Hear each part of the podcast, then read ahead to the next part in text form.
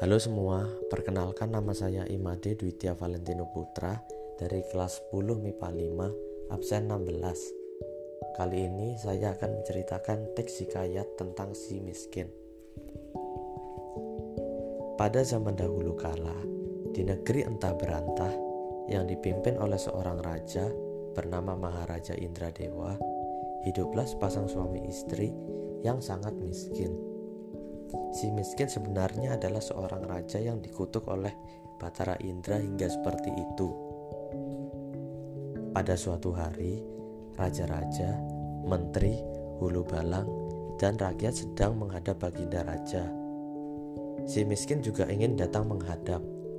Sebelum menemui raja, orang-orang yang melihatnya tertawa dan melemparinya dengan batu dan kayu hingga badannya penuh darah.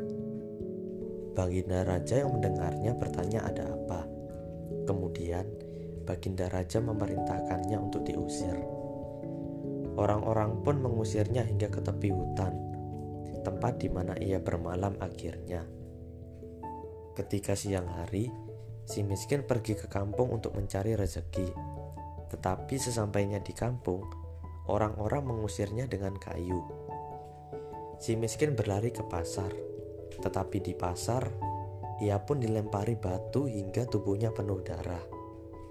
Sepanjang jalan, si miskin menangis dan kesakitan. Hingga akhirnya, ia sampai di tempat pembuangan sampah dan menemukan sepotong ketupat yang sudah basi dan ruas tebu.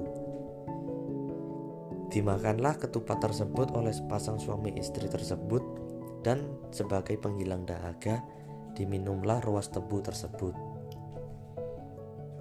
Tak berapa lama, istri si miskin hamil tiga bulan. Sang istri ingin sekali makan buah mangga yang ditanam di taman raja. Segera si miskin menolaknya dan istrinya menangis karena menginginkan buah tersebut. Si miskin berjanji akan membawakan buah tersebut dan istrinya pun berhenti menangis. Si miskin pergi ke pasar dan menemui pedagang buah meminta buah mangga yang busuk untuk istrinya yang sedang hamil. Orang-orang yang biasanya mengusir dan memukulinya merasa kasihan. Mereka tidak hanya memberikan buah mangga, tetapi juga nasi, bahan pakaian, dan buah-buahan. Ketika sesampainya di rumah, ia menceritakan apa yang ia peroleh dari pasar. Istrinya menangis menolak semua pemberian itu Istrinya hanya menginginkan buat mangga yang ditanam di taman raja.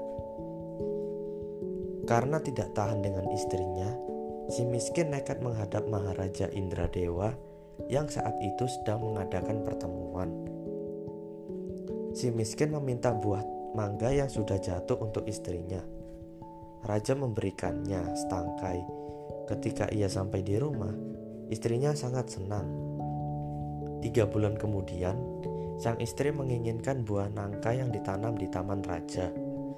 Si miskin pun pergi menghadap Baginda Raja dan bersujud memohon buah nangka.